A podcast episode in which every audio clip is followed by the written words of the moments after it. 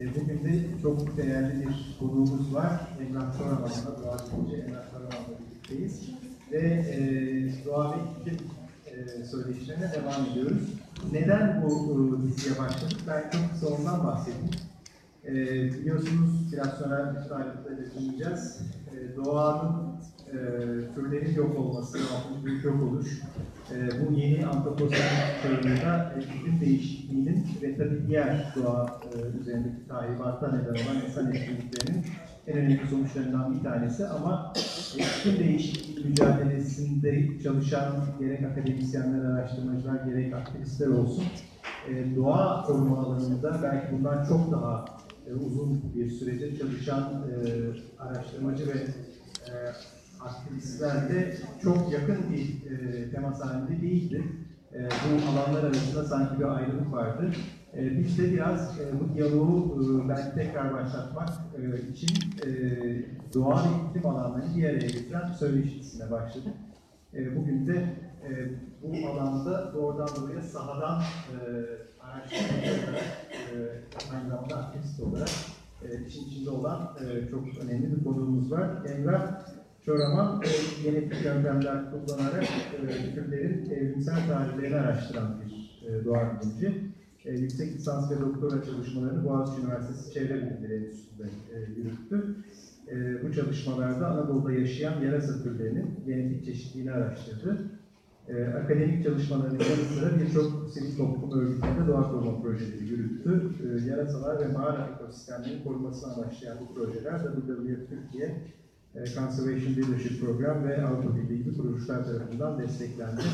E, Emrah Çoraman 2016 e, kışından bu yana da çalışmalarına Berlin Doğa Tarihi e, Müzesi'nde doktora sonrası araştırmacı olarak devam ediyor. Şimdi ben sözü kendisine vereceğim. Bir saatlik yaklaşık bir konuşması, ar- arkasından da soru cevap ve tartışmamız olacak. Buyurun.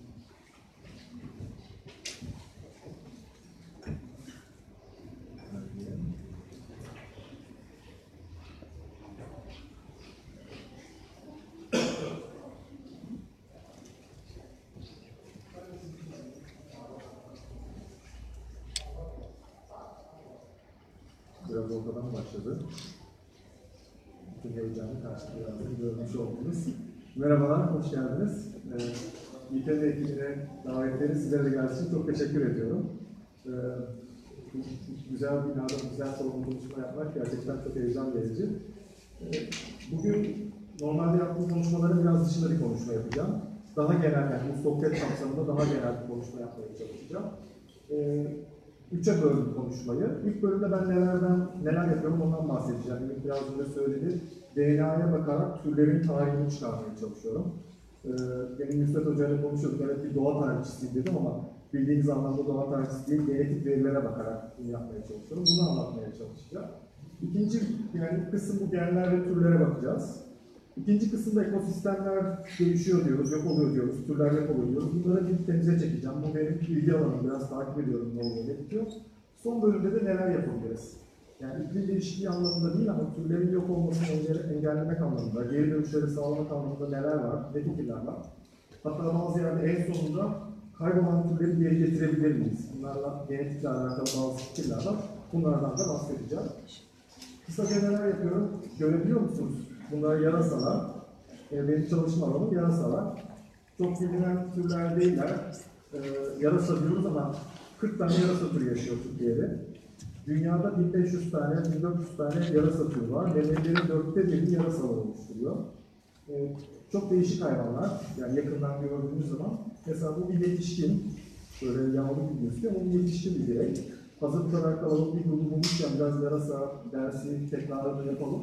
E, memeli hayvanlar biliyorsunuz. Yavrularını doğuruyorlar ve sütle besliyorlar. Ondan sonra e, farklı farklı habitatlarda yaşayabiliyorlar. Dünyada her yerde var. Bir tek e, kutuplarda yaşamıyor. Kutuplar dışında her yerde yaşıyorlar. Bunları Türkiye'de yaptığım arazi çalışmalarında çektim. Yani Türkiye'deki çeşitlilik de çok fazla. İşte burada gördüğünüz mesela kafası, kulakları, kafasının üstünde birleşenler var. Mesela bu, bu arkadaşların kulakları boylarının üçte biri kadar. 1.80 boyum var, beni 60 santim kulakla hayal edin. Öyle bir şey. Gözleri var. Genelde gözleri yoktur, kör diye söylenti var biliyorsunuz. Bir de görebiliyor musunuz? bilmiyorum ama Gözleri var. Ama geceliğin avlandıkları, geceliğin yaşadıkları için ses de yollarını buluyorlar. Çok yüksek frekansta sesler geliyorlar. Bunlar sağa sola çarpıp geri dönüyor. Böceklere, güvelere çarpıp geri dönüyor. Öyle besleniyorlar.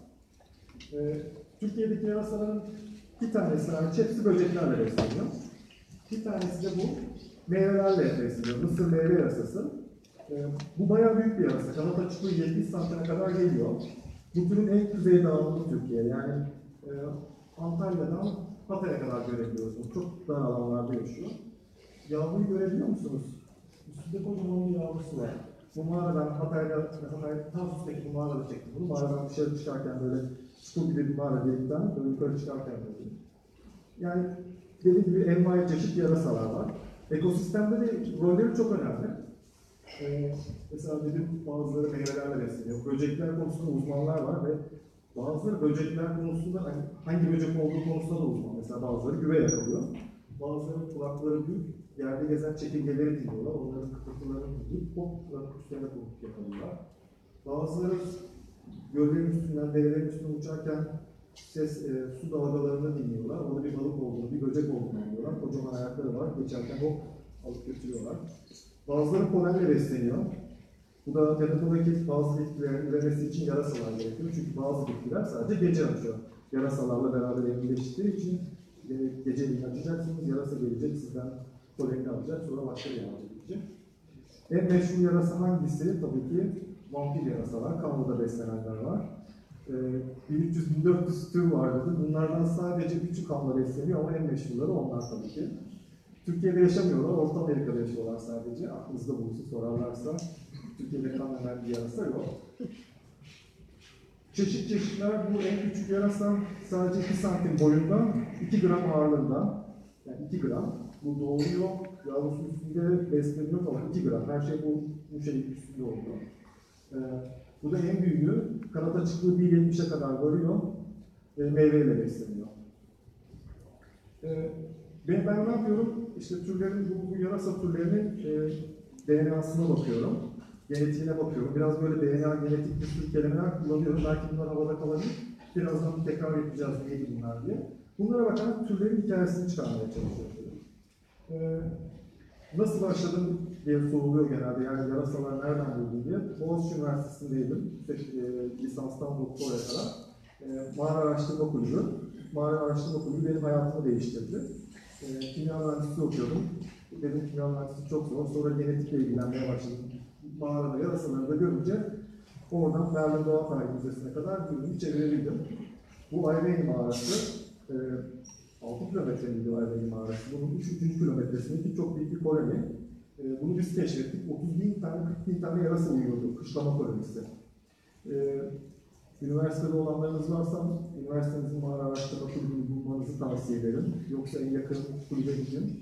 Çünkü dünyanın üstünde birçok yer keşfedildi biliyorsunuz. Böyle yeni dağlar, yeni vadiler bir şeyler keşfetmek zor. Ama yerin altı keşfedilecek yerler kaynıyor. Hele Türkiye, Türkiye kireç taşı, kalker zemini bir yer, mağaraların olduğu yerler. Dünyanın en derin mağaralarından bazıları Türkiye'de öyle düşünebilirsiniz. Ve böyle bir sürü canlıyı barındırıyor. Mağaracılık, yarasalar derken Doğa Tarihi Müzesi'ne kadar uzandım. Ee, son iki yıldır Berlin Doğa Tarihi Müzesi'ndeyim. Berlin Doğa Tarihi Müzesi Avrupa'nın hatta dünyanın en büyük doğa tarihi koleksiyonlarından birine sahip. Aynı zamanda e, Evrim ve Biyoçeşitlilik Enstitüsü. Yani bir araştırma yapılıyor orada.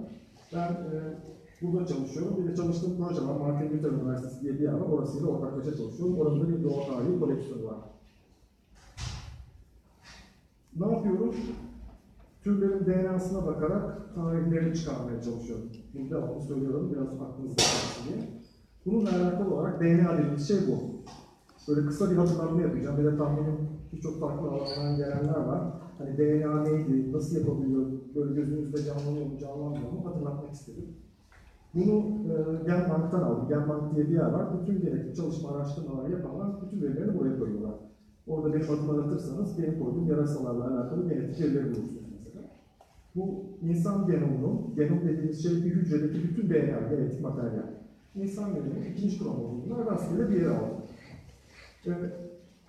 Bu bir kitap aslında. Biz bir hücreden ilk, ilk hücre, işte şu anda karşınızda konuşan ben nasıl olacağıma oradan başlıyor. Burada yazıyor. Ve DNA'nın alfabesi de 4 harfli. Türkçe'de 29 harf var. DNA'da her şey 4 harfli yazılı. Bunlar bazılar, guanin, sitozin, adenin, metinin de, E, C, A, T. Devamlı bunları görürüz. Her şey bunlarla anlatılıyor. Ee, baktığınız zaman mesela burada bir yerde işte bu bir gen. Gen ne demek? Bir enzim nasıl yapılır? Burada yazıyor. Nasıl yazıyor? DNA'da kelimeler üç harften oluşuyor.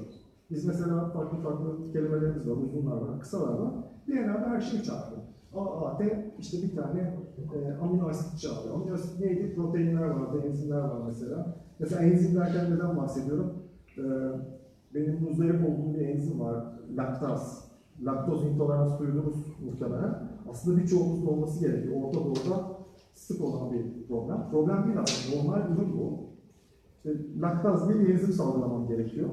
Ama benim DNA'mda bir yerde diyor ki, işte süt emine sonra artık bunu salgılama diyor. O yüzden duruyor. Halbuki burada laktaz nasıl yapılacak yazıyor. Bu olmadığı zaman işte sütü içiyorum, çok da seviyorum ama sindiremediğim için şekerleri sindiremiyorum. Bağırsaklarıma gidiyor, oradaki bakteriler parti yapıyor. Bende de şişkinlik oluyor. İşte bunlar her şey, bunların buradan aklınızda kalan işte saçın, göz rengi her şey burada yazıyor. Bugünkü, bugün bunları anlatırken insanı seçtim. Yarasalardan bahsetmeyeceğim. Çünkü konuşmanın ilerleyen kısmında antroposen yani insan dönemini bahsedeceğiz. İnsan hikayesini anlatmaya karar verdim yarasalardansa. Bir de bu genom dediğimiz şey ne kadar bir şey? Hani biraz fikrimiz olsun rakamsal olarak. 3.2 milyar bazdan oluşuyor. Baz çifti diyoruz. Bu DNA vardı ya. O 3.2 milyarlık işte Word'de yazarız ya kaç karakter oldu. 3.2 milyar var. Çift ne demek? DNA birbiriyle karşılıklı duruyor. Çift sağlam. O yüzden çift diyoruz. Neye tekabül ediyor? Bir fikriniz var mı? Çeviri yapanlar var mı? Veya kaç sayfada kitap yazanlar neye tekabül eder? Ne kadardır 3.2 milyar vuruş? Bir hesap yaptım. Ana Britannica'ya baktım. Ee, her bir cildinde yaklaşık 1.4 milyon kelime varmış. İngilizce'de bir kelime 5, bizde de öyledir dedim.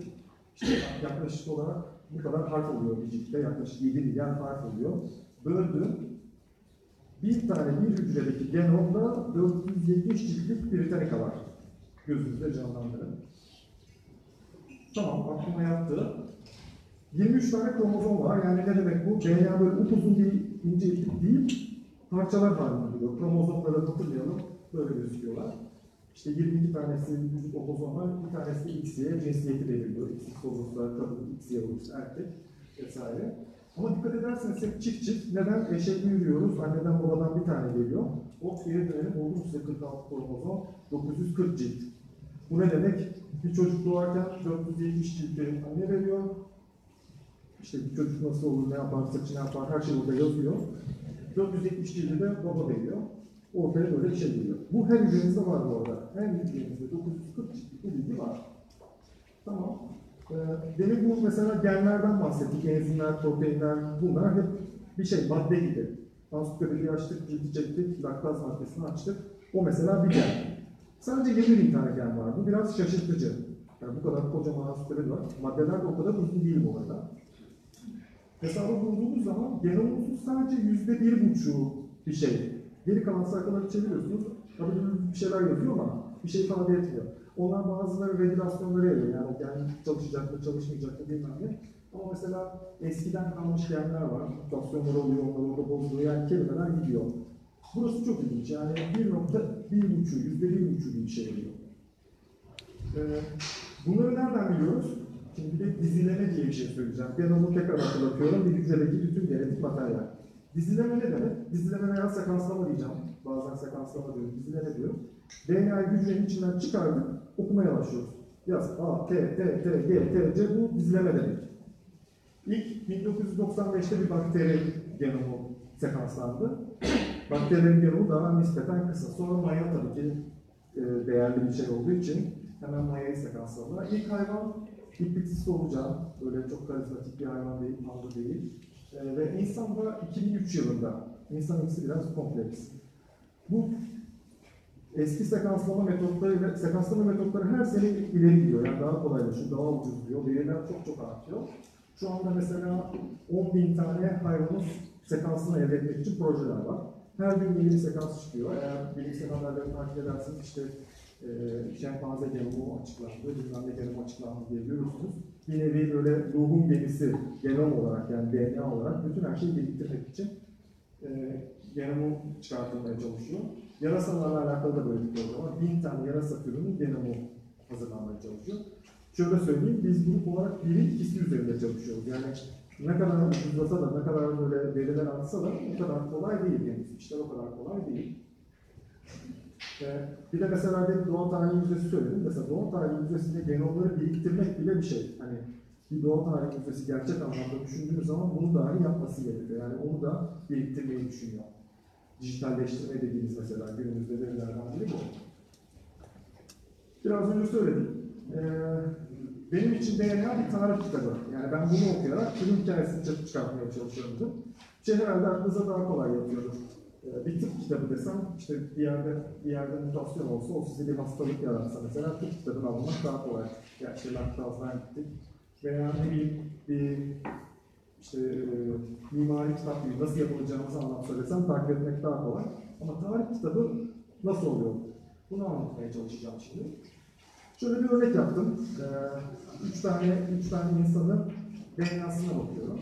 Bunların DNA'sını çok kısa tuttum. 8 bazlı. Çok küçük bir yere bakıyorum. Ee, rengi görebiliyor musunuz? Buradaki A C olmuş bu. Bu bireyde. Neden olduğunu biraz önce söyledik. Anne baba 470 cilt çocuğa ciltleri veriyor. Bu ciltler böyle fotokop makinesinde kopyalanmıyor. Hücrenin içinde mekanizmalar var. Bu bildiğiniz bir yerine bakıyor yazmaya başlıyor. A, T, C, F diye böyle gidiyor. O bütün milyarlarca bazı tekrarlıyor. Bunu yaparken hatalar oluyor. Ama aslında sistem o kadar iyi çalışıyor ki e, anneden yavruya, babadan yavruya geçen de sadece 40 hata mı oluyor? Yani e, hesap nasıl 100 milyonda bir bir hata oluyor. 40 ile çarpın 40 hata oluyor yani. Bir anda bir, bir verilen gelen. Bunlar tabii işlevsel bir yere gelirse öldürücü olabilir yani hani o hücreliği devam etmeyebilir ama hatırlayın DNA'mızın birçok kısmını kullanmıyoruz. Oralarda bunların hikayeler olabilir. Başka mesela bir örnek daha var. O da yine burada bir tane daha C olmuş. İşte kabaca baktığımda mesela bunlar yakın gözüküyor. Çünkü bunların arasında bir var. Bu buna daha uzak gözüküyor. Böyle matematiksel modeller, e, mesafeli üzerinden e, ağaçlar yapabiliyoruz. Duymuşsunuz. Bir tane hemen e, kolayca bir ağaç yaptım. Buna filogenetik ağaç deniyor. İşte şu ikisi birbirine daha yakınmış, bu daha uzakmış diye bir şey çıkar. Yani kabaca bir DNA'ya bakarak bir ağaç nasıl çizeriz böyle bir şey.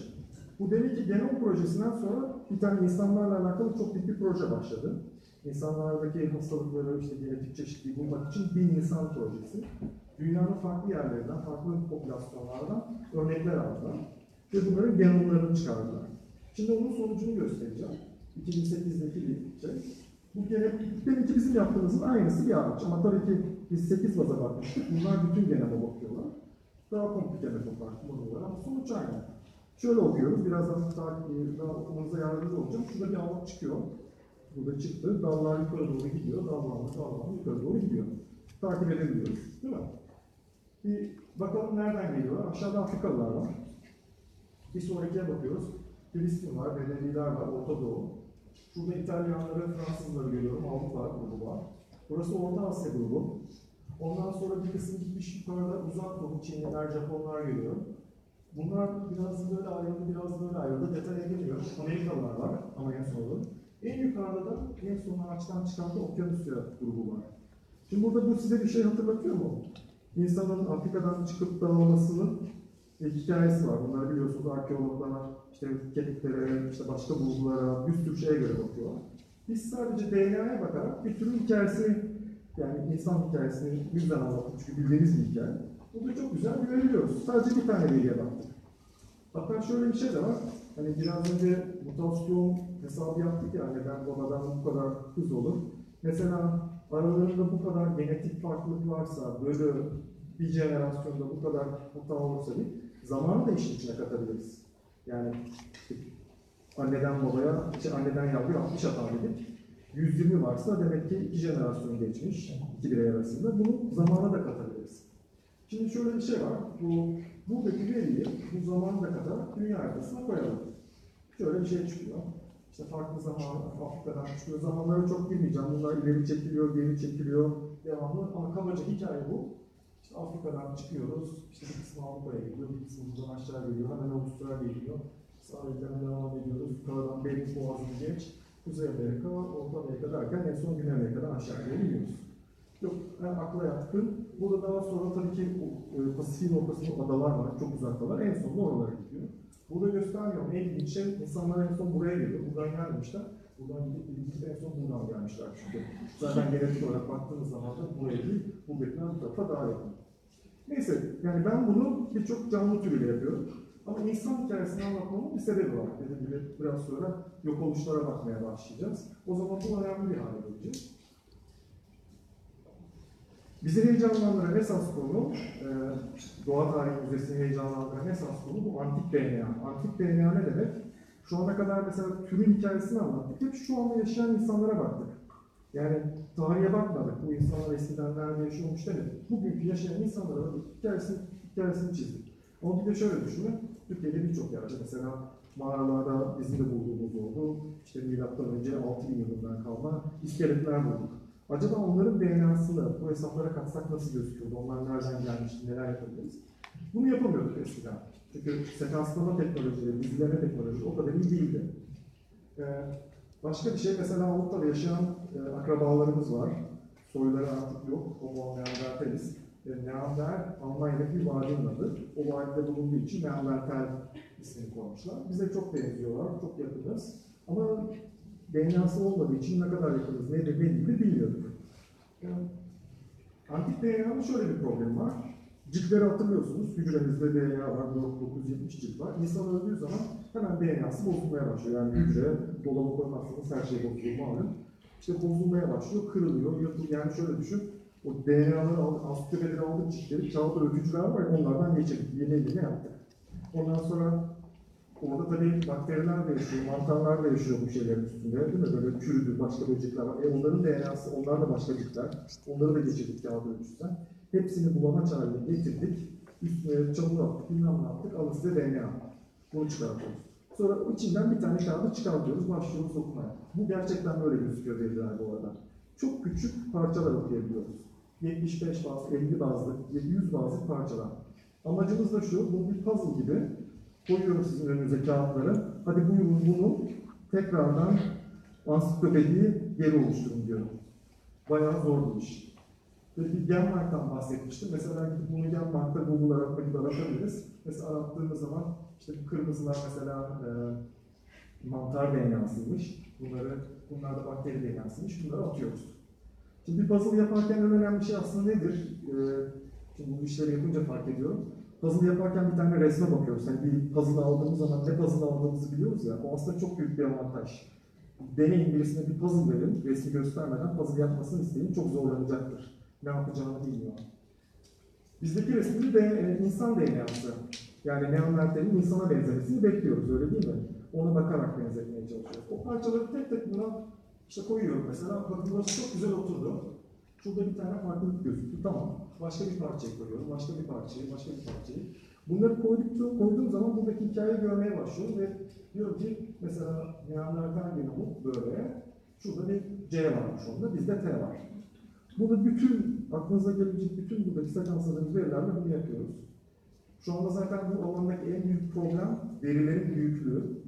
Ee, ve bunları bilgisayarlarda, normal bilgisayarlarda, laptopta, masa üstünde bir şeyle yapmamızın imkanı yok. E, ülkelerin artık hesaplamalı bilimler enstitüleri var. O, orada çok büyük bilgisayarlar var ve orada yapabiliyorsunuz. Çünkü bunlar dediğim gibi bir ton hesaplar. Ve sonra bunları çıkartıyoruz. Eğer her şey yolunda giderse mutluyuz, sevinçliyiz. Ee, bizim müzede de bir antik DNA laboratuvarı var. Ben de zaman zaman giriyorum. Çünkü bayağı heyecanlı bir konu. Hani e, işte yarasa örnekleri geliyor tarihlendirmişler 10 bin yıl öncesinden acaba ne çıkacak? Mesela bir de kayıp hayvanlar var. Onlardan bahsedeceğim. Mesela mamutlar var biliyorsunuz. Daha doğrusu mamutlar yok ama vardı. Ama onların kemikleri var. İşte bazen böyle örnek geliyor. Bundan DNA çıkarma. İşte bir tane deniz sineği diye bir şey var. Dugonga manetiler var. Duydunuz mu? Böyle çok kocaman hayvanlar.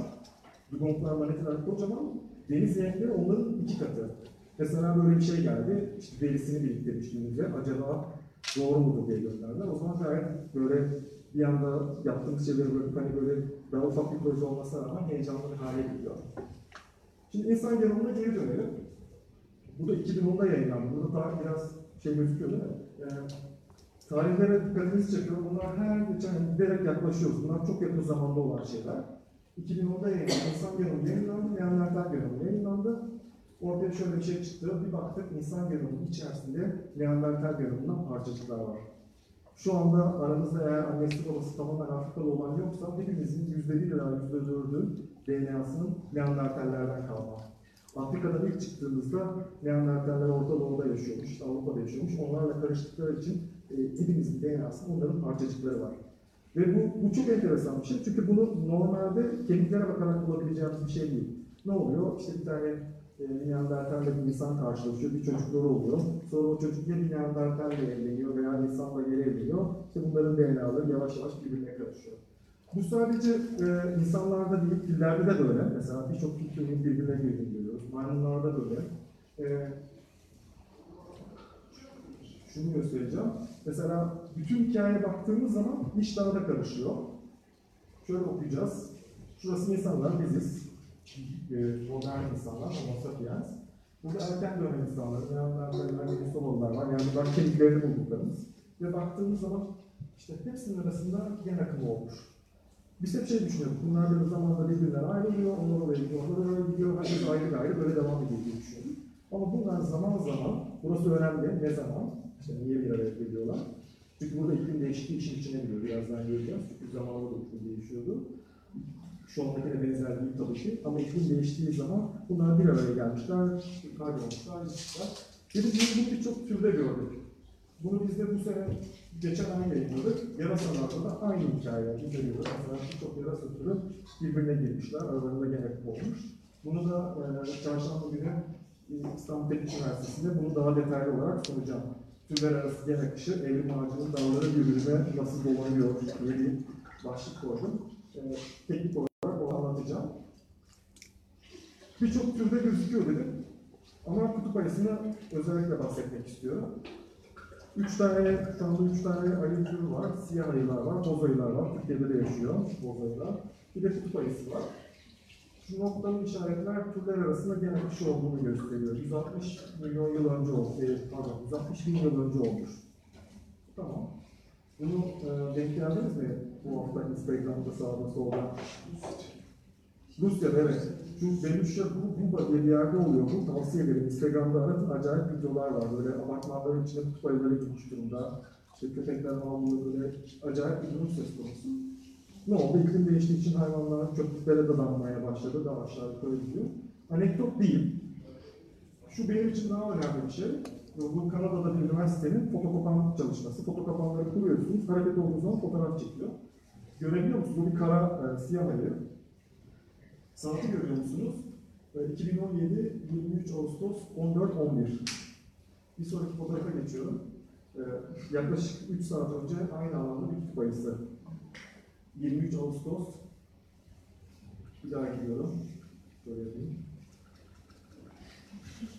Bu, gerçekten çok enteresan bir şey. Yani biz DNA'ya bakarak türlerin bir araya geldiğini görüyorduk. Şu anda bunların etkilerini de görmeye başlıyoruz. Ee, bu arkadaş da bir boz ayı, kutup ayısı, e, melezi. Biraz belli oluyor tipinden de. Yani bu uyarlı gün ya bir kutup ayısı da, muhtemelen değil çünkü kutup ayıları eş bulmakta muhtemelen daha zorlanıyorlar. Muhtemelen bir boz ayı da çiftleşici. O ciltler vardı ya, bir boz ayı ciltleri getirmişti. Yarısı anneden geldi, yarısı. Artık o ciltler karışmaya başlayacak. Biz de bu DNA'lara bakarak kaç cilt var, hesaplar yapıp ne zaman karışmışlar bunu görebileceğiz. Ee, benim uzmanlık alanım bu. Bu konuda çalışıyorum. Yani bunları, bunları geçmişine bakıyorum, geçmişteki iklim değişikliklerine bakıyordum. Ama ben de arazi yaparken artık günümüzdeki iklim değişikliğinde bunları görmeye başladım. İşte görüyorsunuz. 2017 Ağustos ayında bir araya gelmişler. Bilgileri görmeye başlıyoruz. Ee, şimdi burada biraz böyle dönüş yapacağım. Hep bu insanın hikayesiyle bahsettik. Buna geri döneceğim. Ağaçlarda şöyle okuyoruz. Yukarıda zaman var gördünüz değil mi? İşte 65 bin yıl var, 1 milyon yıl önce var. Yani burası, günümüz burası. Şurada bir eksiklik var. Dikkatinizi çekiyor mu? Bu arkadaşların hiçbiri günümüze gelmemiş. Ee, yani türleri yok olmuş. Ee, konuşmanın ilk yok olan türleri böylece Neandertaller ve Denisovalar. Onlar da Neandertallere benzeyen bir tür. Orta Asya'dan geliyor. Yine bu türü bilmiyorduk. Bu tür de sadece kemikten, bir tane baş parmak kemiğinden DNA çıktı. Ve bu tür sadece böyle DNA'sından biliyoruz. Ve hatta bakın bilmediğimiz insanlar var. Bu nasıl oluyor? Genom analiz ediyoruz, gıcık buluyor. Bu gıcık bizim bildiğimiz herhangi bir insan türünün ansiklopedisine uymuyor. O zaman diyoruz ki daha bilmediğimiz insan türleri var. Yani işte Homo sapiens diyoruz, Homo neanderthalis diyoruz, Homo denisovas diyoruz. Bilmediklerimiz de var. Şimdi neden yok oldular? Tabii ki ilk şeylerden değil, iklim değişiyordu. Onlar daha sonra adapteydi gibi argümanlar var. İşte insanlar hastalık getirmiş olabilir, ölmüş olabilir diyebiliriz. İnsanlar doğrudan öldürmüş olabilir. Aralarında problemler çıkmış olabilir. Veyahut da zaten çok kalabalık değillerdi. Daha küçük popülasyonlar halinde yaşıyordu. O yüzden biz geldik Afrika'dan böyle bir anda olayı domine ettik. İşte arada kayboldular, seyreldiler yani genetik olarak kayboldular diyebiliriz. Ee, burada şu grafiğe devamlı açıp baktığım bir grafik. Çünkü mesela bir ağaçta bir şey gördüğüm zaman o o zaman dünya nasıl diye bakıyorum. Ee, bir beraber okuyalım. Şu ortalama 1960 ile 1990'ın ortalaması bu. Wikipedia'dan aldım. Herhalde çünkü Wikipedia'yı şu anda oradan aldığımı düşünüyorum ama tam giremediğim için dolaylı yoldan baktım. Ee, şurası 1000 yıl önce. Mesela bu 1 milyon önce demek. 1000 milyon, 800 milyon. Bundan sonrası da milyon olarak gidiyor. İklim işte e, bir sürü farklı yöntemlerle sıcaklık nasılmış diye bakılıyor. Biz ilgi alanımız, biz şu anda buralardayız. Yani işte sıcaklık gidiyor, geliyordu. İşte buzul çağları oluyor, çok soğuk oluyor, gidiyor, geliyor. Bizim esas yerimiz burası. İnsanlar şuralardan çıkıyor, yani 200 bin yıldan sonra çıkıyor. Sonra buzul çağı var, 7 bin yıl önce. Sonra sıcaklık yükselmeye başlıyor. Ve şu anda olduğumuz yerde Holoson dediğimiz, Holosen dediğimiz bölgede burasıydı. Sıcaklık gayet sabit gidiyordu. Bunlar tahminler biliyorsunuz. Nereye gideceğini şu anda yani daha da kötü olacağını tahmin ediyoruz. Böyleydi, böyle gidiyor. Biz biz biz mutlu yer buralarda dağılmaya başladık. Her şey yani artmaya başladık, dağılmaya başladık. Birçok canlı beraber gittik. Neandertallere bakarsak onlar ne zamandan beri Avrupa'dalardı? Muhtemelen şuralara geldiler. Yani o sıcaklık dalgalanmalarını geçirdiler Avrupa'da. Yani bir şey olmadı da sonuncusunda mı bir şey oldu? Tamam bilmiyoruz şu anda. Bu tartışılıyor. Olabilir. Hüküm değiştirmiş olabilir. Biz de bilmiş olabiliriz. Ee, peki nasıl gözüküyordu? Bu da son buzul çağında, şunu pardon. Son buzul çağında yani çok soğukken Avrupa mesela böyle gözüküyordu. Bakınız boğazlar sular tabii çekildiği için, düştüğü için sular çok fazla su çekiyor. İşte e, bayağı dolmuş durumda. Alpler gene doluk. Adriyatik bayağı güzel ovalar var. Yani böyle gözüküyordu dünya o zamanlar. Bunları da modelleyebiliyoruz. Yani geçmişe dönüp bakabiliyoruz. Bunları aklımızda tutalım. Mesela bu e, tüylü, tüylü, mu, e, tüylü gergedan. Nerede yaşıyor? Avrupa'da. Biz yani son 20-30 bin yıl öncesine kadar Avrupa'da birkaç tür gergedan yaşıyor. Birkaç türde fil yaşıyor. Yani farklı türler var. Böyle bunu söyleyince böyle bir garip geliyor değil mi? Yani Avrupa'da filler yaşıyor falan. Hani çok çok eskidir ya o kadar diyoruz. Bu Fransa'daki Chauvet mağarası. Çok gitmek istediğim yerlerden biri ama sokmuyorlar. Ee, işte çok koruma altında. Birkaç tane böyle mağara var. Çok çok zengin. Bunu görebiliyor musunuz? Buradaki gergedanları görebiliyor musunuz? Avrupa'daki insanlar bunu Fransa'da yaklaşık olarak 30 bin yıl önce çizmişler. Bu mağaralar o kadar koruma altında ki aynı yere, aynı kaya biliyorlar. Birkaç kilometre öteye bu mağarayı yapıyorlar. İnşa ediyorlar ve boyuyorlar. Turistler oraya gezebiliyor. Her sene, her sene belli miktarda çünkü mağaralar fosil ortamlar bu arada. Hani biraz mağara, mağara anılarından da bahsedelim. Eğer bir mağaraya, bir fosil mağaraya girdiyseniz orada hiçbir şey değişmiyordur. Aynen duruyordur. Yani 300 yıl, 500 yıl kalabilir. Ee, benim mesela en heyecanlı anılarımdan biri e, bir tane Fransız mağaracı var, jeolog yani elekçili diye onunla beraber Kifler mağarasına gitmiştik. Çok zor bir mağara böyle. Ee, işte adam oğluyla geldi 19 yaşında. Ee, meslek seçmeyi düşünüyormuş. O da dedi ki ben aynı o da 19 yaşında girmiş o mağaraya. Fransız mağaracılar araştırma grubu 80'lerde Türkiye'de bir araştırma yaparken o mağaraya giriyor. Çok beğeniyor. Ben de jeolog olacağım diyor. O da oğlunu getirmiş. Beraber girdik. Çok zor bir mağara. İniyorsunuz, çıkıyorsunuz, göller var. İşte yapısı çok güzel bir mağara düşüyor böyle bir yerlerde. İşte haritada kumsal diye bir yer var. Bir yere gittik, kat kat mağara. Böyle alt kat dereler akıyor. Orada tıkanıyor, yukarı çıkıyorsunuz. O fosil alanda mesela kaleler vardı. Kumdan kale. Adam 19 yaşında yapmış o kaleyi ve hala duruyordu. Yanında da oğlu 19 yaşında o da kale yaptı. Böyle duygusal alanlar falan. Böyle. şey, böyle Neyse yani fosil mağaralar o yüzden çok önemli. Bir şeyi değiştirdiğiniz zaman da gidebilir. Mesela buralara sokuldu. Başka bir aynı mağaradan çizilen aslanlar var. Böyle mağara aslanları falan var, işte sırtlanlar var, var var var böyle bunları akılda tutamıyorum. Sadece hani bunlar birkaç bin yıl öncesine yani birkaç on bin yıl öncesine kadar Avrupa'da vardı. Bu 2015'te Quarterly International'da yayınlanan bir makale. Demek ki bizim yaptığımız gibi bir insanın bir başının e, haritanın üzerine koyuyorlar. Sarı eski demek, kırmızı yeni demek. Hatırlıyor musunuz? Adalara en son geliyor demiştim. İşte Madagaskar'a en son geliyor.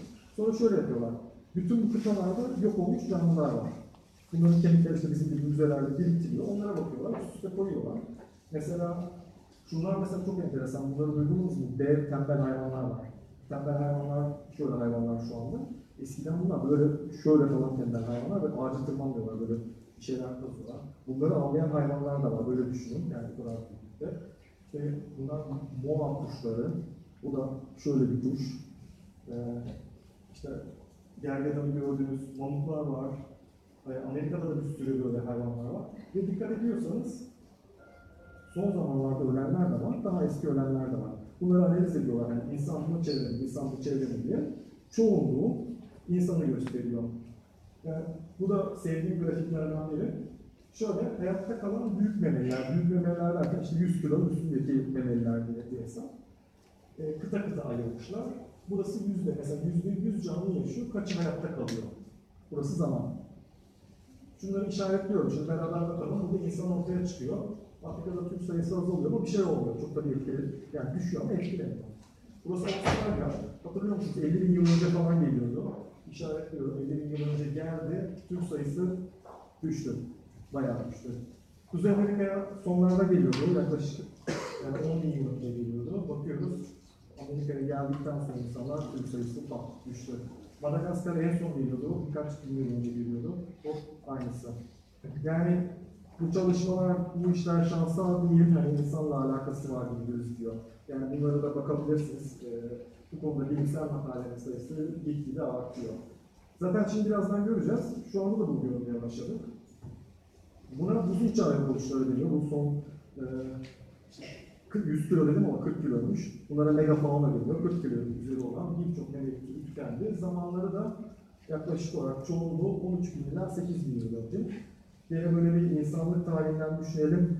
Bu bizim, biz bu zamanlarda ne yapıyorduk? İşte tarım, Or- Orta Doğu'da, bereketli ileride tarım buluyoruz, hayvancılık falan böyle. İşte zaten antroposen dediğimiz, hop, antroposen dediğimiz döneme giriyoruz. Görmediniz değil mi? Evet. Bu çok yakın zamanda yayınlanmış bir makale 2018'de. Şey, şöyle bir şey yapıyorlar. Ee, dünyadaki canlıların ağırlıklarını hesaplıyorlar. Yani organik materyali hesaplıyorlar. İşte virüsler ne kadardır, bakteriler ne kadardır diye. Şimdi size sormuş o cevabı gördünüz. Bütün memeli hayvanları tartıyorlar. Yani tartmıyorlar da hesap yapıyorlar. Yani işte kaplanlar, aslanlar, filler, insanlar, fareler. Aklınıza ne gelirse 5500 tane memeli türünün ağırlığını hesaplıyorlar. İstesen kaç kilo çıktı? En çok ne çıktı? %60'ı dünyada yaşayan memelerin %60'ı e, çiftlik hayvanları başta sığır ve domuz olmak üzere. Yani inanılmaz bir rakam. Yani sonra ne geliyor? %36 ile biz geliyoruz. E, bir hesap yaparsanız yüzde kaçı e, şu kadar, yüzde dördü. Hani Planet Earth 1, 2, BBC'de izliyoruz ya hani işte her şey birazcık kalmış durumda maalesef. Ee, tamam bunu görmediniz. Peki kuşlarda nasıl durum? 12 bin tane falan kuş türü var. Yaklaşık olarak tahminim. Öyle bir şey olması lazım. Kuşlarda durum şöyle. Bir tane tür var. Ee, ağırlıkların %70'i tavuklar. Geri kalan 130. Kuşlarda bence daha iyi yani. Gene hala fena değil. Ee, tavuklar çok ağır değil herhalde o yüzden. Hani daha bir hayvan. Bir kuş yetiştirseydik iş değişirdi. Ee, Antroposen'e hoş geldiniz. Ee, işte şu anda bilim insanları diyor ki hani artık Oğuzhan bitti, biz başka bir dönemde diyebiliriz. Ee, yani antroposen insan dönemi. Şöyle düşünün, aradan 10 bin yıl geçti, 100 bin yıl geçti, 50 bin yıl geçti. İnsanlar kazı yapıyorlar böyle veya başka bir canlılar geldiler, kazı yapıyorlar. Biz dönemleri böyle adlandırıyoruz işte. Burası Paleozoikmiş, işte Jurassic, Jurassic'i biliyoruz, dinozorların yaşadığı dönem. Mesela diyoruz ki, aa bakın, dinozorlar burada tükendi. Artık bundan sonra görmedi diyoruz. O zaman diyoruz ki Jurassic bitti. Şimdi bizden 10 bin yıl sonra, 50 bin yıl sonra, 100 milyon, 1 milyon yıl sonra kazı yaptıkları zaman ne diyecekler? Aa tavuk dönemi başladı, sınır dönemi başladı. Yani bütün her şey böyle olacak işte binalar vesaire. Kimyasal değişimler de yapıyoruz. Karbon miktarlarını düşünün. Mesela karbon atmosfer diyecekler ki Aa, bu dönemde karbon acayip artmış. İşte denizde asit değişmiş, bir şey değişmiş. Yani her şey bunun değiştiğini gösteriyor. Bu makale, e, yine deminki makale insanlar ortaya çıkmadan önce ne kadarı, e, ne kadardı bu oran diye hesap yapıyor. Sonra bunu yavaşça analiz edeceğim. 100 tane kare yaptım. E, 100 tane yuvarlak yaptım pardon. Her yuvarlak işte bir tanesi yok oldukça ne kadar kaldığını göreceğiz. Yabani memelilerin yüzde kaçı kaldı sizce insanlar ortaya çıktığından beri? Biraz uzun biliyorum ama tahminler var mı? Kalacak? Yüzde 83'ü yok oldu. Aynı makaleden hemen hızlıca gösteriyorum. Deniz memelilerin yüzde 80'i, bitkilerin yüzde 50'si, e, balıkların yüzde 15'i miktar olarak azalmış. Bunlar da çok yakın. Hepsi 2018. Bu birazcık karışık bir hesap. Yani burada ağırlık üzerinden hesaplamışlar. Yani biyometre üzerinden hesaplamışlar. Ee, Bu en korkutucusu bu. Benim için. Türlerin ortaya çıkış, yok oluş hızları bunları hesaplayabiliyoruz. Yani evrimsel süreçlerde işte genetik olarak farklılaşacaklar. Böyle hesaplar yapabiliyoruz. Bu onun ortalaması. Yok olma hızları. Burası yüzde olarak gösteriyor. Yani ki her şey normal olsa, ki biz belli bir zamana kadar öyleymiş, bu e, böyle gitmesi gerekiyordu. 1800'ler, 1900'ler civarında türlerin yok olma hızları giderek artıyor. Bu 2015 makalesini aldım. Bunun 2018'de var. E, gördüğünüz gibi her şey artmış durumda. Nedenleri? Bunlar tür üzerinden. Yok olan türler üzerinden. Hemen bir tane daha bir şey göstereceğim. Bu fotoğrafı ben çektim. E, Almanya'da e, geotak deniyor yani coğrafya türü deniyor, işte biyotak deniyor. E, bütün ülkedeki uzmanları araziye çağırıyorlar. Herkesin bir bölgesi oluyor. Gidip envanter yapıyorsunuz. Hani ne var? İşte bitkiciler geliyor, bitki sayıyor, ağaçlar geliyor, işte yarasacılar gidiyor. Bizim yan tarafta da e, gece, gece böceklerinin çalışan bir grup vardı. Onların yanına gittim. Bizde çok hareket yoktu. Onlarda durum buydu. İnanılmaz bir çeşitlilik var. Yani bir beyaz perde açıyorlar bunun gibi. Arkadan ışık veriyorlar. Onun üstüne güveler, böcekler, sinekler toplanıyor. Kaç tane tür var görebiliyor musunuz? Mesela şunu gördünüz mü? Şurada bir şey var. Ondan farklı bir sürü tür var. Şimdi geçen hafta sanırım makale veya 10 gün önce bir makale yayınlandı. Makale diyor ki böcek türleri, türlerinin %40'ı önümüzdeki birkaç 10 yılda yok olabilir. 2019. Ve geçen sene bir makale vardı. Ve bu arada bu bir şey daha ekleyeceğim. Ee, bu makale şöyle yapıyor. Bütün çalışmaları topluyor, değerliyor. Yani bir meta analiz yapıyor. Ve diyor ki çalışmaların çoğu aslında yukarıda, kuzey ülkelerinde yapılıyor. Yani biz Almanya'da gittik ya Türkiye'de mi yapılıyor mu bilmiyorum. O yüzden Türkiye verileri yok burada. Diyor ki esas çeşitliliğin olduğu ülkeler burada yok bile diyor. Yani bir de yağmur ormanlarını düşünün siz durum ne kadar kötü. Geçtiğimiz senede bir makale vardı. Almanya'daki sulak alanlardaki böcek, böcek popülasyonlarına bakmışlar. %75 azalma var. Sonrasında bu karikatüre döndü, döndü. Hakikaten düşünüyorum doğru. Bir tane bu 10 yıl, 10 yıl challenge oldu ya böyle 10 yıl öncesi sonrası. İşte bir tane adam koyup çizmişler. 10 yıl önce arabayla kullanıyor. Ön cam sinek böcek dolu. Şimdi 2019'da kullanıyor. Hiçbir şey yok. Bu e, tamam hani ben memeli bölümünde çalışıyorum ama böcekler kısmı beni bayağı ürkütüyor. Bunlar ekosistemin daha hani 100 kilonun üstü, 40 kilonun üstü, 10 kilonun üstü hayvanlar yok oluyor derken böceklere geldik. Böcekler yok olursa bu doğrudan yarasaları, kuşları, hatta bitkileri etkileyecek. Çünkü bunlar soğuk polenleşmeye, tozlaşmaya yol açıyor. Yani ne kadar büyük bir katastrofa doğru gittiğimizi düşünün. Onunla alakalı da e, birkaç tane kitap getirdim. Mutlaka öneriyorum okumadıysanız. Altıncı Yok Oluş. E, Elizabeth Colbert yazmış. E, Pulitzer ödüllü bir yazar. Gerçekten okurken anlıyorsunuz. E, benim çok hoşuma gitti. Bu kitabı yazarken benim okuduğum makaleleri, bahsettiğim makaleleri göreceksiniz burada. Bu hepsini gidip yerinde takip etmiş. Yani mesela yarasa ölümleri var, bahsetmedim. Ee, yarasa ölümleri için o mağaralara gitmiş. Ee, bu bölümü hazırlarken çok zorlandım. Kaynak bulmakta değil, kaynak fazlalığından ve şu şundan dolayı. O ölüyor, bu tükeniyor, bu yok oluyor, devamlı böyle diyor, farkındayım. Ee, ama durum böyle. Yani ben sadece bir kısmını seçtim. İşte mesela mercan resiflerine gidiyor, dalıyor, eskisine bakıyor, yenisine bakıyor, durum felaket ediyor. Tavsiye ederim. Hepsine gidip, e, konunun uzmanı değil ama çok iyi yazar. Hani gidip çok güzel anlayabileceğimiz bir video. Ben çok beğendim. Bu altıncı yok olmuş diyor. Dikkat ettiniz mi? Neden altıncı? Demek ki e, 1, 2, 3, 4, 5. de oldu. O. Bir saniye.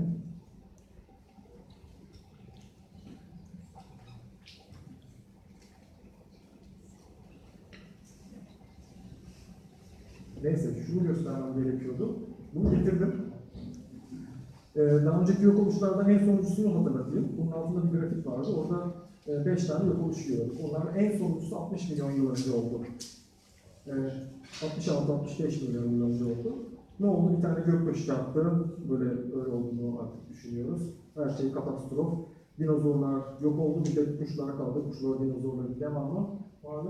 Ee, bu, bu benim hoşuma gidiyor. 232 milyon yıl önce oluyor. İşte bu arkadaş bu. Getirdim bir tane.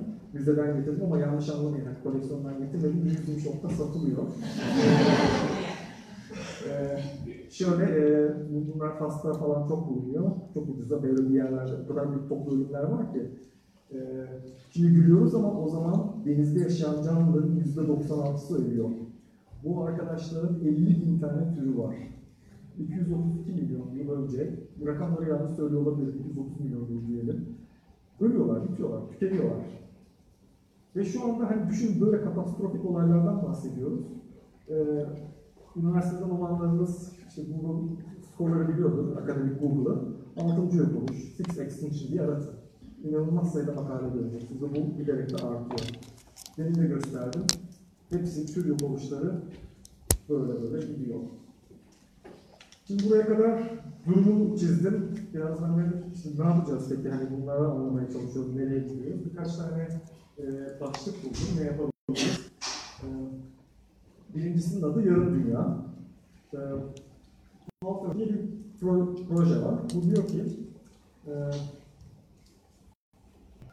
mantığını anlatayım önce. Yaşayan Gezegen İndeksi diye bir şey yayınlanıyor her sene. Bunu WRF ve Londra Zooloji Enstitüsü yayınlıyor. 10 bin, 20 bin hayvan popülasyonunu izliyorlar. İşte birçok kurumla beraber. Orada rakamlar nasıl değişiyor ona bakıyorlar. Göstermiyorum onları. Hepsi düşüyor. Yani hepsi bildiğiniz gibi. Her yerde her şey düşüyor. Ama bu önemli benim için. Neden düştüğüne bakmışlar. Biraz korkutucu. Aşırı kullanma yani avlanma, balıkların avlanması vesaire gibi. Birinci sebep. İkinci sebep habitat kaybı. Üç, habitatların bozulumu. Ee, bugün iklim değişikliği konularımızdan biri. Daha iklim değişikliğinin etkisini görmedik. Yüzde yedi. Şu anda hani bütün insan faaliyetleri o kadar etkiliyor ki daha hani onu görmedik bir de o gelecek. Yani bu daha da korkutucu. Halford e, diğerleri işte yüzde yediden daha küçük rakamlar. Halford'u da getirdim. Bir sınıf tanıyorsunuzdur belki birçok eskiden TÜBİTAK çok yayınlandı bu kitaplarını. E, bu da bu Türkçe çevrilmedi bildiğim kadarıyla. Birisi bir karınca bilimci, yani çok karınca uzmanı. E, bayağı yaşlı, bütün taksonomi, sistematik, karıncalar nasıl davranır, her şeyini çalışmış bir insan. Ve oradan ekosisteme doğru çıkış yapıyor. Yani bir ekosistemin nasıl işlediğini karıncalardan başlıyor ve anlıyor. Bu da bulduğu, gene bu da Pulitzer ödülü bu arada. Yani dili çok rahat, tavsiye ederim. Ee, belki Türkçe'ye de çevrilir. Ee, işte dünyamızın, e, yaşamın, dünyamızın savaşı olarak başlıyor. Şöyle bir mantığı var.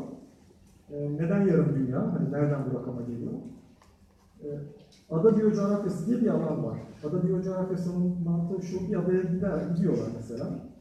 O adanın hesaplıyorlar. Şu kadar metrekare. Sonra türleri sayıyorlar. İşte şu kadar kuş var, şu kadar böcek var vesaire. Böyle bir hesap yapıyorlar. Ve şöyle bir denklem çıkıyorlar. Biz katsayı çarpı alanın dördüncü dereceden küpü, e, kare, kökü pardon. Böyle bir hesap var. Ben hemen yalandan bir tane hesap yaptım. 100 aldım tarihte, alanında 100 aldım. Çarptım 320 tür var bu alanda. Ada peki normalde de böyle mi? Evet böyle mesela bir sulak alan düşünün. O da bir ada gibi. Etrafından bağlantısı yok. Veya bir orman düşünün. Hatta şu anda yağmur ormanlarını düşünün. Etrafını kesiyorlar. Başka işte palmiye ağacı, başka bir için çevriliyor. Onlar da adalara dönüşüyor. Mesela şöyle bir, onda biri kalıyor. Bu, bu arada Amazonlarda bunu görebiliyorsunuz artık. Ormanlar kesiyor ve böyle bir kare kalıyor. Burada aynı hesapta 100 yerine 10 yaptım. 180 yerine ne kadar? 100'esi gitti. Yani alanla beraber bir orantı var. Birisi de diyor ki, biz burada diyor, e, yarısını koruyalım, %50'sini koruyalım. Kaçı olacak diyor? 260, %85'ini koruruz diyor. Yani mantığı bu. Çok basit olarak mantığı bu. Dünyanın yarısındaki alanları korunan alan ilan edelim. Orada hayvanları öldürmeyelim, ekosistemi koruyalım, mümkünse geri getirelim. Ancak bu şekilde %85'ini devam ettirebiliriz diyor. Yoksa ne yaparsanız yapın, işte alan azaldıkça tür sayısı azalacak. Deminden beri söylüyorum, ekosistemler bir görüyor, koruyor, türler azalıyor. Bunu görüyoruz. Peki, e, buna nasıl karar veriyorlar? Bu çok büyük bir proje bu arada. Bunun için bir bakış kurmuşlar. Hangi yarısı? Hani dünyayı böyle mi böleceğiz diye. Projenin web sitesine gelebilirsiniz. Google Earth benzeri bir sistemleri var. E, biyoçeşitliliği, her e, küçük karelerde biyoçeşitliliği belirliyorlar. Buraya mesela katmanlar ekleyebiliyorsunuz. Ben e, alan baskısı katmanını ekledim. Yani insanlar ne kadar baskı yapıyor. Beyaz baskı var demek. Eğer normali görüyorsunuz, biraz ışıklardan çok gözükmüyor. Ama Mesela Trakya'yı görüyorsunuz değil mi? İstanbul'u görüyorum. Kuzey ormanları birazcık gözüküyor. Istrancalar gözüküyor. Ama geri kalan büyük alan baskıları var. Şöyle yapmaya çalışıyorum. Mesela bizim, bizim de biyoçeşitliliğimiz burada çok yüksek. Mesela biz bu alanları korumak için seçmemiz gerekiyor. Ve kare kare değil, yani sadece orada bir kare, burada bir kare, yani özel korunan alanlar değil. Bunları bir şekilde de birbirimize, birbirine bağlamamız lazım. Yani bunları analiz ederek bu vakıf, bunu bu korunacak alanları bulmaya ve tabii ki de işin esas önemli yolu bunu pratiğe getirmeye çalışıyor.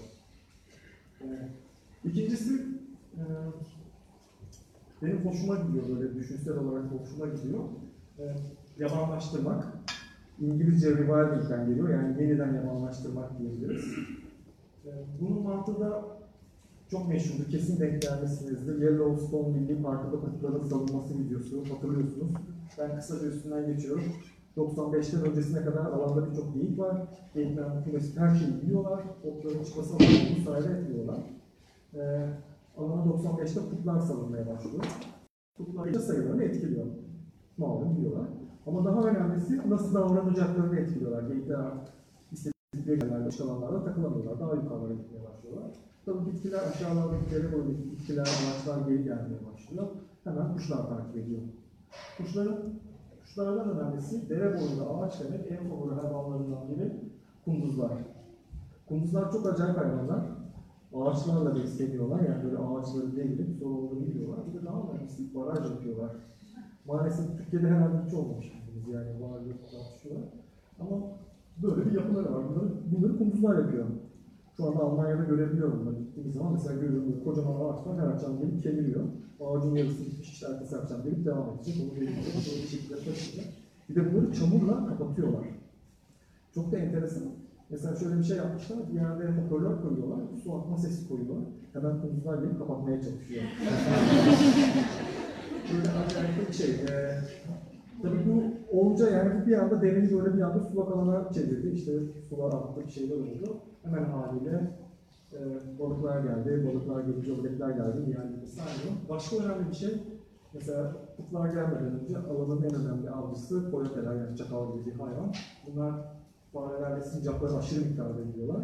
Yine kutlar onları etkiliyor. Bu sefer bunların sayısı artıyor. Hop tekrardan e, geldi. Burada böyle hop o artık bu azaldı diyorum ama bu kadar basit olmuyor tabii ki. Bunlar, e, yani şöyle bir şey var. Birisi size bunlardan bir tanesini koyduğunuzda dünya çok güzel olacak diyorsa dedim ki biraz yalandır. Yani hani bu işler biraz komplike, çünkü bir sürü mekanizma var.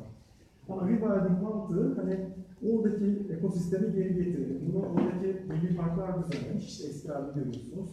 Biz bu arada şunu görüyorum. Biz mesela böyle yerleri gördüğümüzde Avrupa'da falan vay ne güzel falan diyorlar böyle deri akıyor, geyikler var, yüzlerce geyik var falan diyor. Ama onlar oradaki biyoçeşitliliğin ne kadar az olduğunu farkındalar bunu geri getirmek için.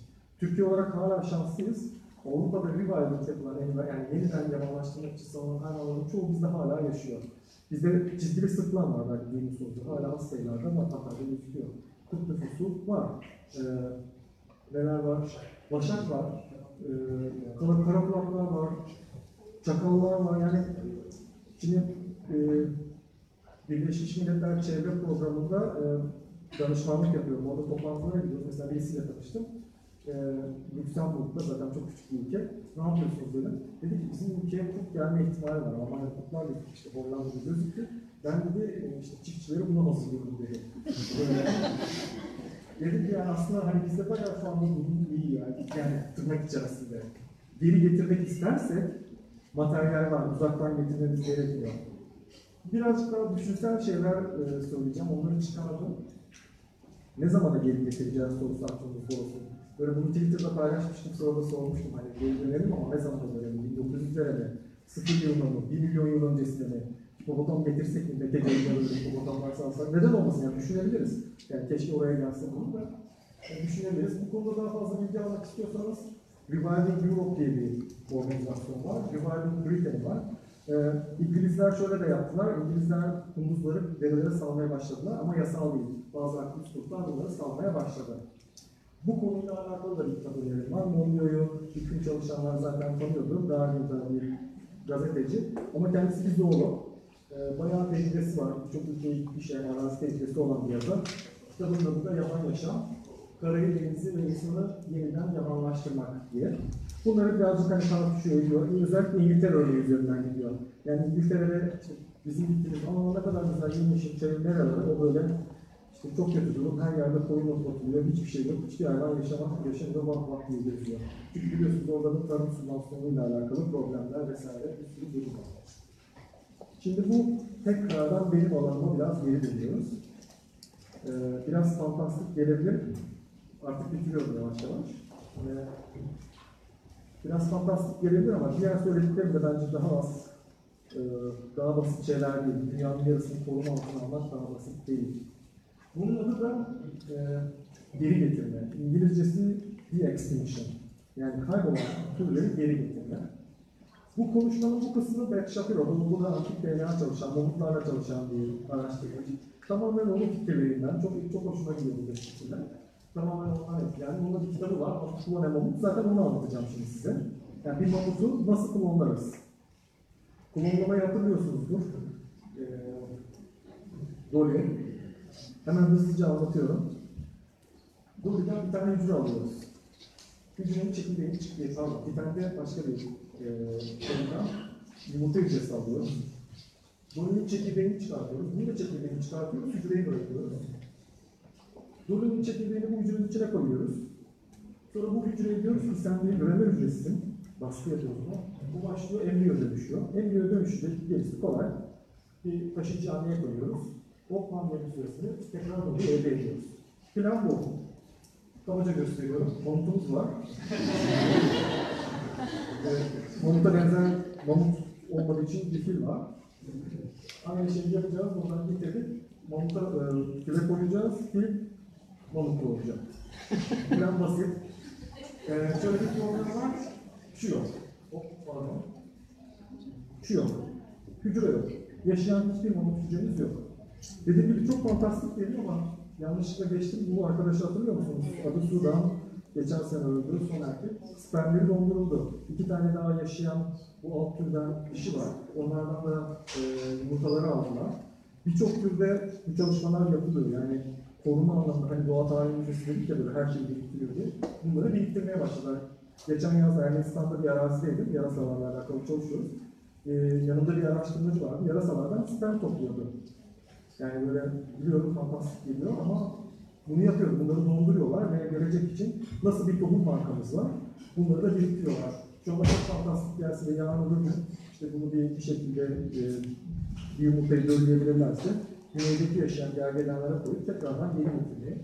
En azından bunların genetik çeşitliliğini tutmaya çalışmayı planlıyorlar. Tamam. İkinci plan, deminki mantığa göre aynı. Genom sentezleme. Ne demek? E, bu yok diyor bizde. Ama biz mamutun genomunu çıkartabiliriz. Kemikler var.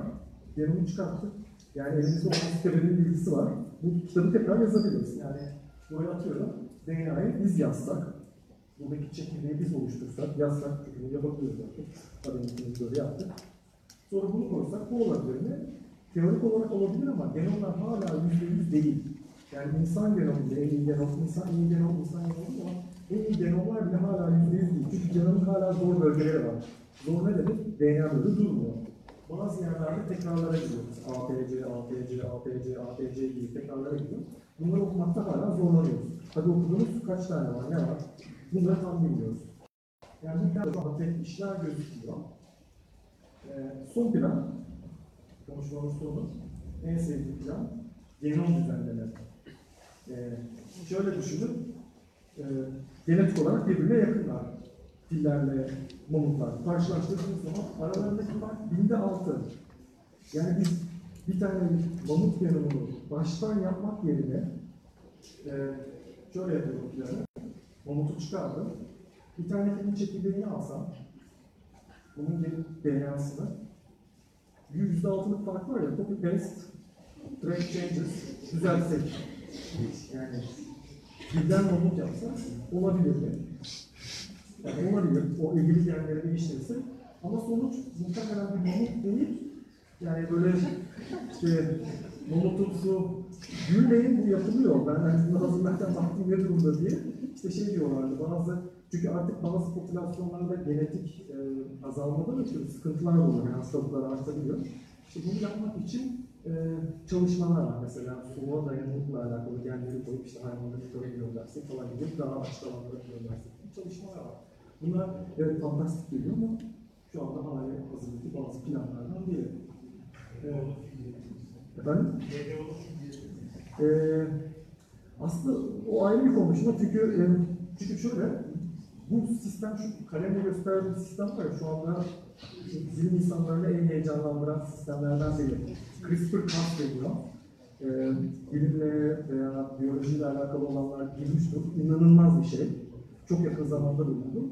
CRISPR-Cas bir e, enzim, bir protein bakterilerde doğal olan bir şey. Virüsler bakterileri de etkiliyor ya. Virüslerin e, bakterilerin çok ilkel bir savunma mekanizması. Sadece bir DNA parçasını aklına tutuyor o virüsü. Ondan ondan onu e, etkilediği zaman onu aklına tutuyor. Bir tane protein var, bir tek onu görüyor. Onu gördüğü anda gidip kesiyor DNA'yı. Böyle bir sistem geliştirmiş bakteriler. İnsanlar bunu keşfediyorlar. Ve şunu da anlıyorlar, kesmekle kalmıyor, copy paste yapabiliyoruz. Belki denk geldiniz, işte Çin'de bir bilim insanı çıktı dedi ki bir insan embriyosunda CRISPR-Cas metoduyla AIDS'e, işte HIV'ye bağışıklı çocuk yaptım dedi. Adam kayboldu bir şeyler oldu. Ee, yani bu ins- tabii etik problemler var. Bu biraz genetik mühendisinden geride olan farklı. Çünkü geride olan neyi taktığını bilmiyorsunuz. Yani burada da tabii bir sürü soru işaretleri var ama teorik olarak bu copy paste, işte editing, track changes gibi ilerleyen bir şey. Gerçekten enteresan bir konu. Ee, bitiriyorum. Tekrardan böyle bir geri dönelim. İşte her şey çok kötüye gidiyor maalesef. Ee, Greta'yı görmüşsünüzdür. Greta 16 yaşında İsveç'te, İsveç'te bir öğrenci. Ee, ben de şu anda Berlin'de görüyorum mesela Cuma günleri parlamentonun önüne gidiyor çocuklar okulları gidip. E, Greta diyor ki işte dünya çok kötü gidiyor, dünya yanıyor diyor, bir şeyler yapmamız gerekiyor diyor. Benim de konuşmamda herhalde kabaca bunu söylemişimdir. Bütün ekosistemler çöküyor ve bunların çoğunda daha iklim değişikliğinin etkisini görmüyoruz. Yani durum o kadar kötü gidiyor. Yani iklim değişikliğini durdurmamız gerekiyor. Ayrıca habitat kayıplarını engellememiz gerekiyor. Açık, açık kullanmayı engellememiz gerekiyor ki iklimi yani tahayyül edin ne kadar kötü. Ben onun mesajıyla bitirmek istiyorum. Hani e, işte ya geçen hafta buraya geldiğinde konuştuk. Doğa koruma alanında bizim alanda hep şey diyor yani devamlı felaket. Sen hep kötü kötü kötü diyorsunuz. Biraz pozitif bir şeyler söyleyeyim. Bu kadar pozitif söylediği şeyler yani. Greta da bunu diyor. Diyor ki yani ben panik olmanızı istiyorum diyor. Ve hakikaten bir an önce panik olup işte neler yapabiliriz düşünmemiz gerekiyor. Çok teşekkür ediyorum.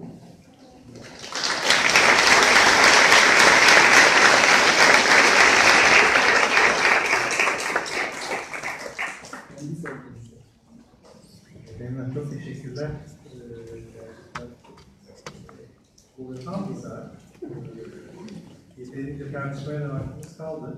Ee, katılım da çok iyi. Ee, buyurun. Şöyle e, kalabalık olduğumuz için